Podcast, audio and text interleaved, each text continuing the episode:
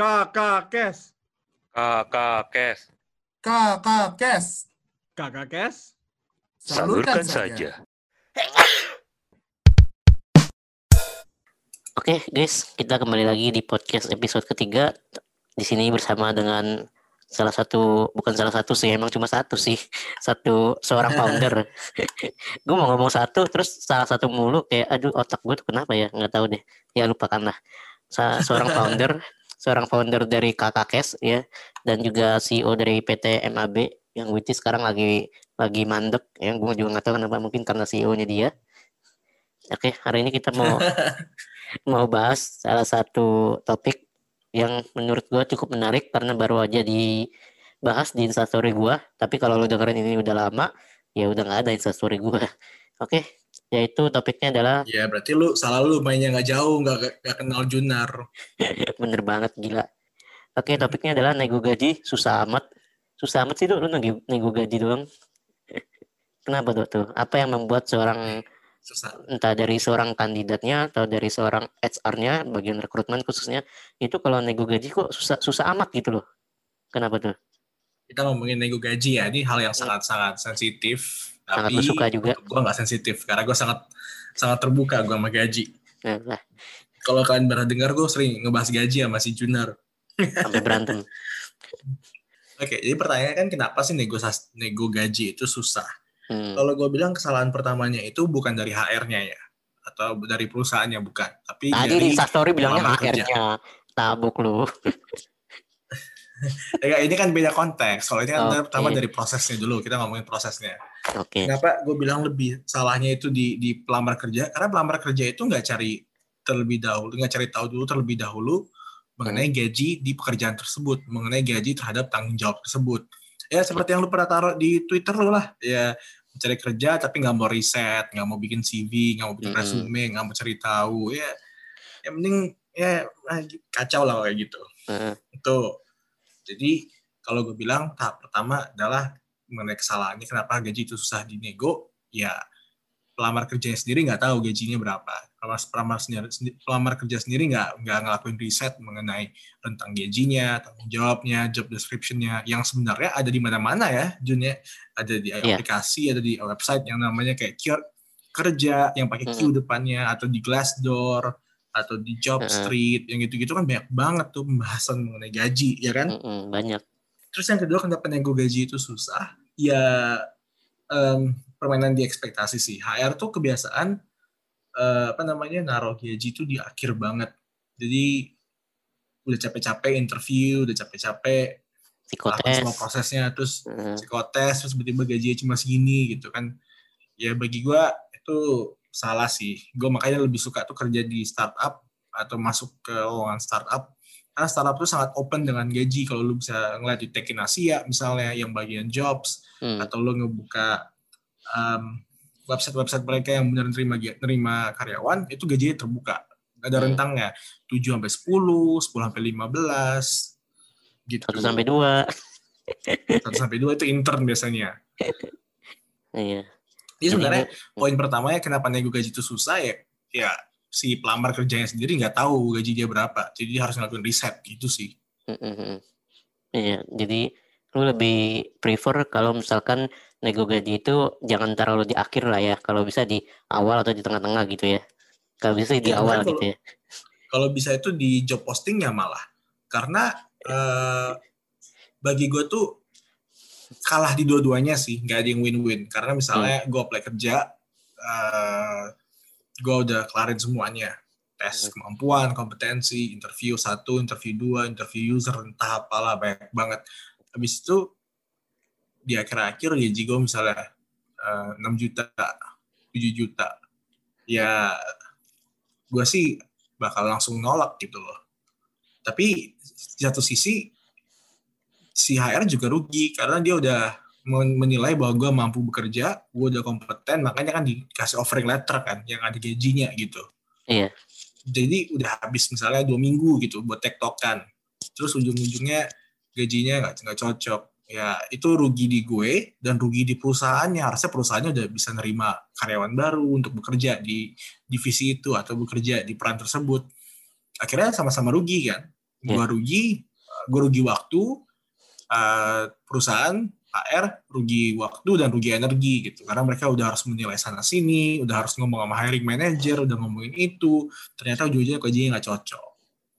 Jadi Hmm. bagi gue emang sebaiknya ditaruh di job postingnya sih. Kayak misalnya lu tulis di kaliber berapa gajinya? Lu taruh di job street berapa gajinya? Gitu.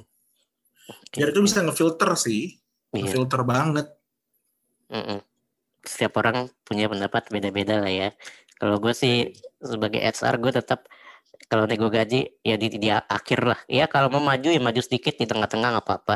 Soalnya gini kalau menurut gue kalau misalkan tuh ta- taruh nego gaji di awal-awal gitu ya. Terus eh, kandidat datang udah selesai interview mungkin langsung ngomongin gaji gitu kan. Kayak beberapa startup kan juga banyak yang gitu. Hampir semua startup sih awalnya kalau misalkan udah interview langsung ngomong langsung ngomong nego gaji gitu kan. Kayak waktu itu gue juga gitu di perusahaan gue yang sekarang juga gitu pas interview ya pas nego gaji juga jadi jadi satu. Cuma kalau menurut gue kenapa beberapa perusahaan nggak mencantumkan gaji di website seperti Kaliber, Jobstreet dan segala macam yang sudah sudah biasa lah kalau misalkan mencantumkan nominal gaji gitu kan. Dan nominal gajinya jelas antara pakai range atau pakai ya yang jelas yang tepat gitu ya yang akurat gitu. Jadi 7 juta ya udah 7 juta. Atau kalau range 7 sampai 10 juta gitu kan. Kalau gue gue lebih prefer yang nggak dicantumin dan juga nego gajinya kalau bisa di akhir atau di pertengahan lah. Kenapa? Karena rata-rata kalau ter- terutama buat fresh graduate sih. Kalau udah berpengalaman ya oke lah. Eh, kalau mau nego gaji misalnya di awal nggak masalah. Tapi kalau fresh graduate gue tuh apa ya bisa dibilang kurang sukanya adalah udah belum punya apa belum punya pengalaman gitu ya pengalaman belum ada. Bahkan belum ada sama sekali pengalaman. Nggak aktif di organisasi nggak aktif magang. Tiba-tiba pas apply kerja maunya nag- nag- nego gajinya tuh sampai dua digit. Itu ngeselin banget sumpah. Kalau menurut berapa kalau coba dong cerita dong. Coba dong cerita pengalamannya. Dua digitnya berapa tuh? 10 12 ya ada lah pokoknya. Nggak usah disebutin. Ntar lu makin makin menggebu-gebu. Gua nggak suka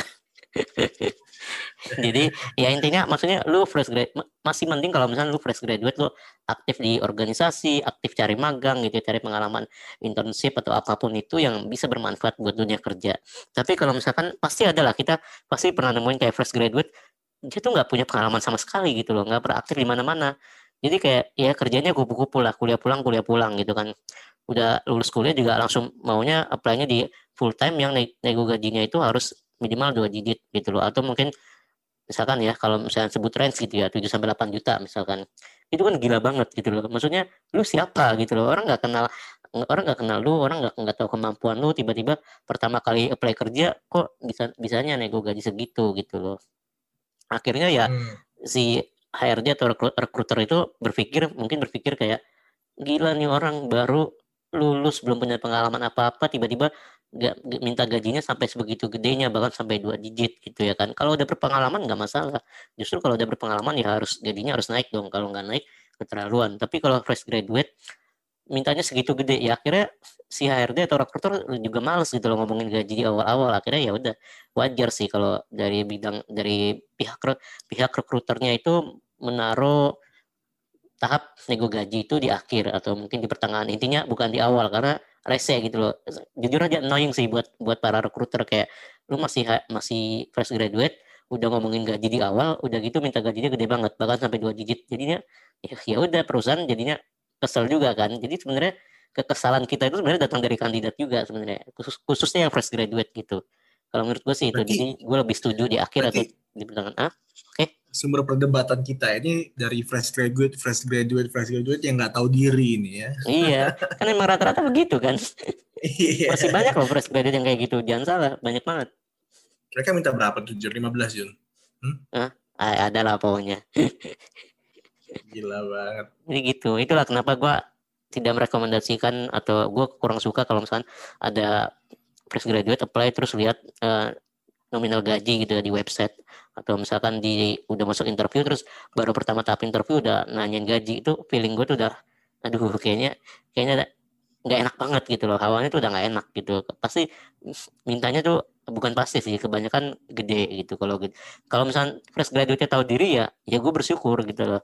Berarti dia bisa bisa memahami konteks dunia kerja konteks apa nego gaji gitu ya kalau enggak itu yang susah makanya gue selalu gue sampai sekarang masih setuju kalau misalkan nego gaji itu di akhir atau paling at least di pertengahan lah itu kayaknya bener deh. Kalau kan gue gua nggak pernah ngalamin masuk kerja waktu fresh grad ya. Gue biasanya gue waktu gue masuk kerja tuh udah ada pengalaman.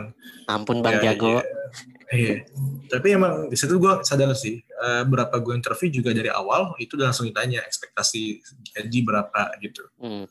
Iya sih ternyata. Ya kalau fresh grad sih emang gue akuin sih mau walaupun gue nggak pernah ngerekrut tapi dari teman-teman yang HR terus dari dari Twitter atau orang yang nge-spill cerita mengenai fresh grad Hmm. ya biasanya mereka tuh ya ya lancang gitu ya. Makanya gitulah nggak enaknya ya gue gaji di awal gitu kalau ketemu fresh grade yang yang kepalanya gede ya susah gitu loh. Ngeselin sih. Hmm. Gitu.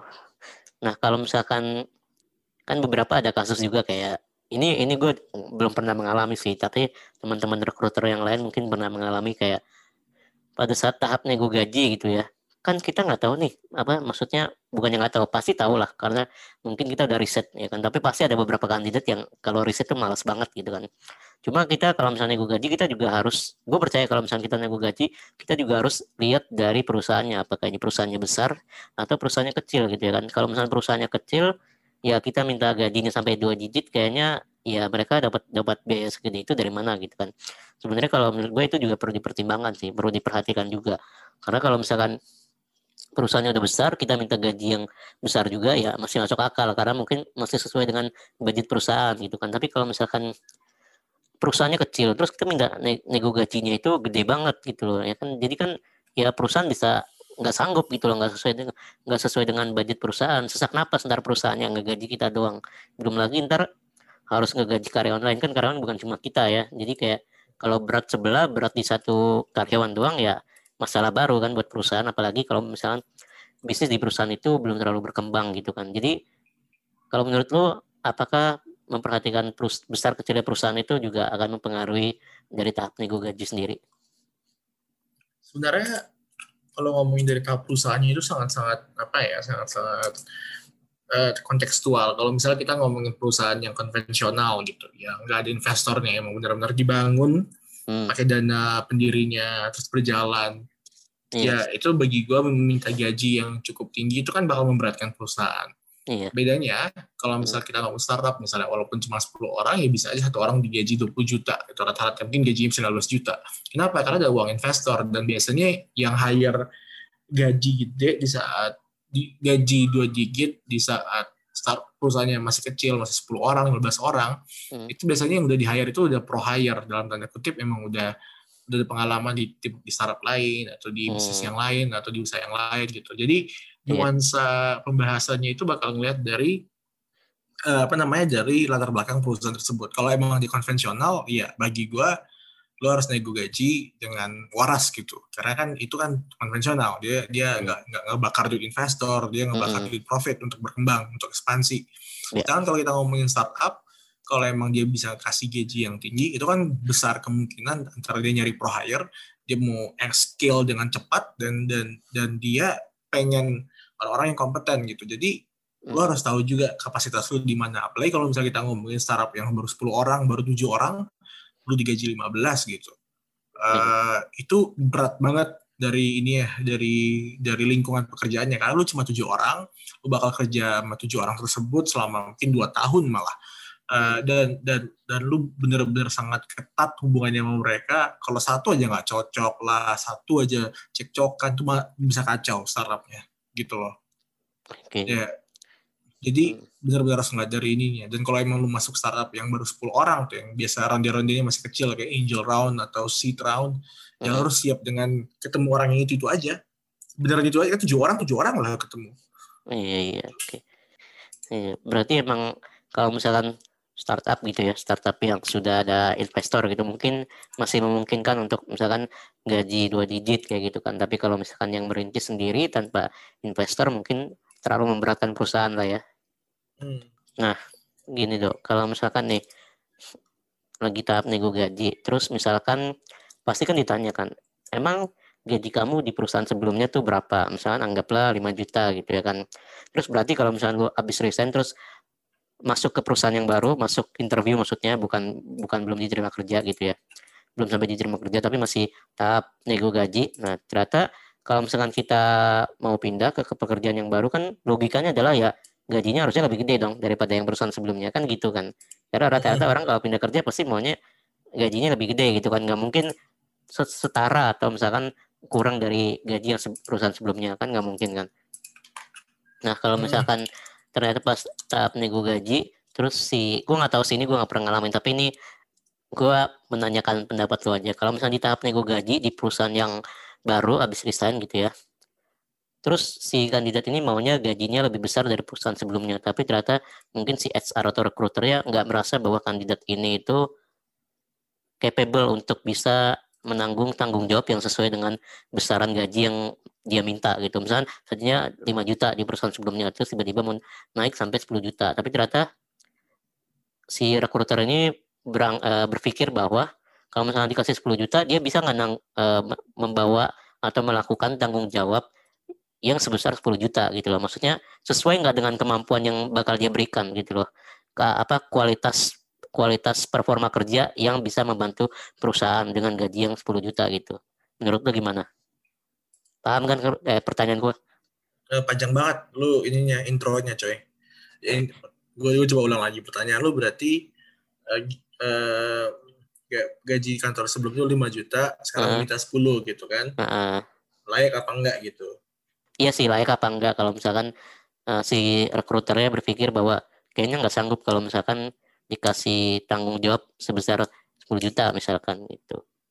Oh, iya lo pertama yang pasti ya lo harus convince dulu dong bahwa lu bakal ya- ya argumennya sebenarnya balik lagi ke paling dasar sih walaupun lu nggak bisa ngerjainnya lu Hmm. ba- harus bisa meyakinkan ke hiring manager eh, bahwa lu bakal bisa belajar dengan cepat gitu mungkin satu bulan pertama dua bulan pertama I will not adapt that much atau gue gak akan bisa beradaptasi sebagus itu tapi di bulan ketiga bulan keempat bulan kelima udah bisa beradaptasi gitu Oke. jadi lu harus bisa nge-convince. Namun kenaikan gaji untuk di perusahaan berikutnya itu adalah hal yang yang yang wajar karena biasanya orang tuh resign ya karena salah satu alasannya ya pengen gaji yang lebih tinggi, kompensasi yang lebih tinggi. Bener. Makanya ada be- beberapa trik di mana uh, dia dapat misalnya dia apply apply kerja, habis itu dia dapat offering, dia bakal bawa offering itu ke kantor dia yang sekarang untuk dinaikin gajinya gitu loh.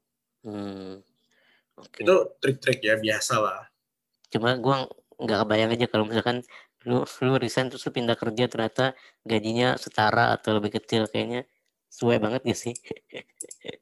kalau kalau setara tuh biasanya karena benefitnya beda sih kayak ada ada teman kita Oh. yang gajinya gajinya secara nominal dibawa ke tangan gaji pokoknya dibawa ke tangan tuh turun satu juta ya kan Oke. tapi tapi benefitnya banyak banget transportasi gratis makan gratis Oh. segala macem jadi Iya, iya. dia dia mending uang gajinya turun satu juta tapi dia dapat asuransi dapat makanan dia dapat transportasi dia, dia dapat jadi buangnya bersih gitu loh ke tangan dia nggak bayar parkir nggak bayar apa lagi semua gratis pokoknya Hmm. gitu Secara benefit lebih untung lah ya. Iya, jadi kalau Hmm. misalnya kita hitung-hitung tuh eh, gaji dia sama benefit dia bisa dapetin lebih dari 10 gitu. Padahal sebenarnya secara angka ke tangan dia turun satu juta. Gitu. Hmm. Cuman, jadi lebih hemat banyak juga lah nggak perlu transportasi dan segala macam kan. Mm, mm, benar, benar banget, benar banget. Iya. Iya nih, eh, benefit sebenarnya juga menarik sih buat kita bahas. Jadi kalau misalkan ngomongin gaji gitu ya kan, orang kan kalau misalkan ngomongin gaji, nanya nih gajinya berapa, terus dikasih tahu misalnya 5 juta. Ya udah rata-rata kandidat, oh ya udah saya setuju gitu kan. Tapi banyak kandidat yang pada saat tahap nego gaji tuh nggak nanya benefit gitu ya kan. Pasti pasti sering lah eh, kandidat kayak gitu ya kan. Udah nanya gaji ya udah kayak kebutuhan kebutuhan hidup dia tuh gaji doang gitu. Ya emang sih dengan gaji kita bisa membeli segalanya. Cuma maksudnya maksudnya adalah kalau misalkan udah nanya gaji kenapa nggak nanya benefit? Padahal sebenarnya benefit kan juga bisa membantu kita juga. Dan transportasi uang makan itu bisa kita hemat. Nah gitu. Maksud maksud gua adalah eh, kalau misalkan menurut lu sendiri pada saat tahap nego gaji apakah si kandidat itu perlu bertanya tentang benefit? Dan sampai sejauh mana misalkan si kandidat ini boleh bertanya tentang benefit? Atau misalnya kayak sebanyak tadi yang lu bilang asuransi transportasi terus uang makan terus misalkan apa misalnya BPJS segala macam sam- maksudnya sampai sebanyak apa gitu kandidat bisa bertanya tentang benefit. Nah, kalau gua ya itu kalau dia nggak nanya mengenai benefit itu kan terbukti bahwa dia nggak ngelakuin riset. Hmm, iya bener banget. ketahuan banget gitu loh. Dia nggak tahu dia nggak tahu apa. Ya gue ya, dia harus tahu dong benefitnya apa karena ya selain cuma gaji kan orang tuh ngeliatin kan ada makanya ada disebutkan compensation sama benefit kan. Compensation benefit itu ya berarti compensation cash terus benefit ya selain dari cash. Mm-mm. jadi lo jadi kalau dia nggak tahu mengenai komben ya ketahuan dia nggak riset. Kedua seberapa jauh dia harus minta mengenai benefit harus ditanya mengenai eh, pertama yang simple aja dulu asuransi. Mm-mm. terus tabungan pensiun ada atau enggak dipotong dari mana perhitungan pajak gimana eh, pajaknya ditanggung pemerin- ditanggung perusahaan atau ditanggung oleh eh, gajinya terus apa namanya terus eh, ada makanan atau diberikan lunch table lah bahasa simpelnya lunch Iya. table ada nggak dikasih uang OT atau overtime ada nggak dikasih. Jadi itu kan yang butuh riset kalau emang nggak. Jadi harus tahu itu sih. Yang pasti itu adalah yang yang yang, yang to do list untuk ditanyakan mengenai benefit itu pertama adalah eh, asuransi, uang pensiun, potongan pajak, Mm-mm. terus makanan, em, eh, bonus kalau misalnya ada bonus, kalau misalnya dia melebihi kuota atau dia KPI-nya bagus, OKR-nya Iya. bagus, apaan, ya itu aja, itu aja dulu. THR dikasih apa enggak, ada festive nggak, festive season, ada banyak sih kalau nggak salah gue ada 10 tau nggak sih yang harus di, diinin. Iya.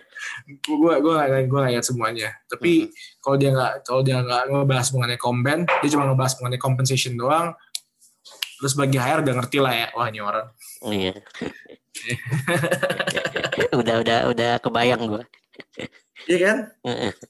Kayak malah lu bahkan bisa ngakalin gitu loh. Misalnya gue minta gaji berapa? 10 gitu.